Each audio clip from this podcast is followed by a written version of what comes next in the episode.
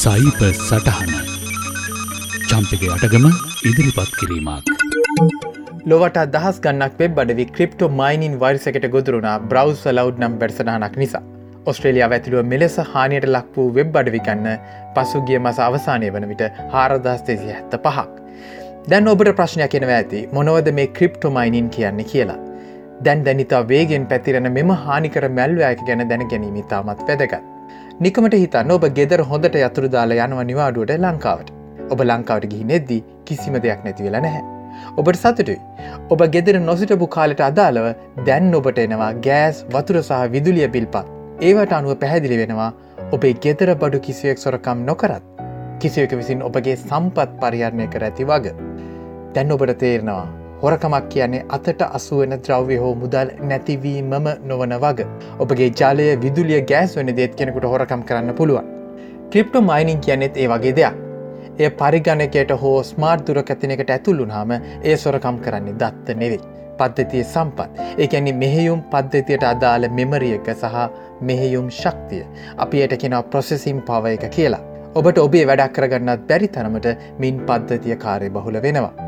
Smart දුරකථනයක් නම් එය බලා සිටිද්දී රත්වී ඉතා ඉක්මනින් පැටරි විසර්ජනය වෙනවා.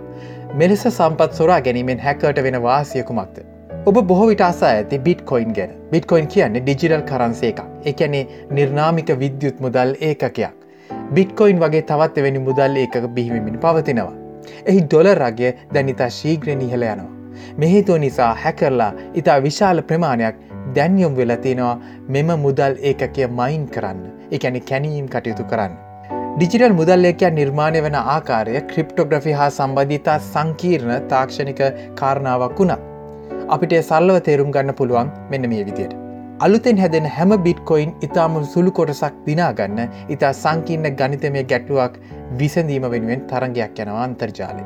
මේ තරගේ ඉන්න අයට තියෙන්නේ කියන්නේ මයිනස්ලා කියලා. පිළිතුර කලින්ම ගන්න කෙනාට අර මුදල් ලැබෙනවා තෑග්ගක් විදියට. මේ ගැනත ගැටලුවක් කිව්වට ඒ විසඳන්න ඕනි බුද්ධිය නෙවෙයි. අතිශ්‍යය වේගෙන් විවිධ අගයන් අනුමාන කරමින් කාලය සමක් කරන සටනක්. එනිසා පිළිතුර හැමෝටම හොයාගන්න පුළුවන්. එය මුලින්ම සොයා ගැනීම තමයි මෙතන ජයග්‍රහණි තිරණය කරන්නේ. එට අතිශය විශාල මෙහෙයුම් ශක්තියක් ඕනි. එසඳා ඔවුන් සුපිරි පරිගණක භාවිතා කරනවා.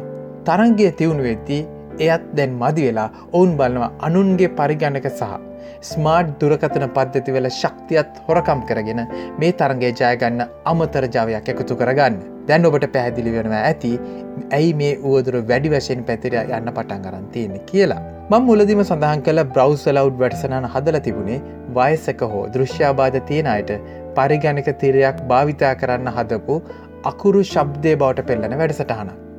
ඒ වගේ අයව ගොදුරු කරගන්න පහසුයි. මොකද ඒ අය තාක්ෂණික පැත්තෙන් ලොකු දැනුමක් තිනයි නෙවෙයි. බොහවිට පද්ධතිය ඇන්ටිවයිඩස් වැඩසටන හෝ මෙහියුම් පද්ධති යාවත්කාලි නහෙම නැත්නම් අප්ඩේට්වත් කරලා නැතිවෙන්න පුළුවන් පොහෝතුරට. එනිසා හැකස්ලා මේ ප්‍රහාරය දැනුවත්ම එල්ල කළේ ඉත්තාමත් මාසරණ කණ්ඩායමකට. අපගේ දත්ත විතරක් නෙවේ සම්පත් පවාස්වරකම් කරන තැනකට ඩිජිටල් හොරුම් දියුණු වෙද්දී අපි මතකතියාගන්න ඕන අඩුම තරමේ අපගේ මෙහෙයුම් පද්ධති සහ ඇන්ටිවයිඩස් පද්ධති යාවත් කාලින කරලා තියාගන්න. අදත් ඔබට සයිපසටහනගෙන මම චම්පක යටක.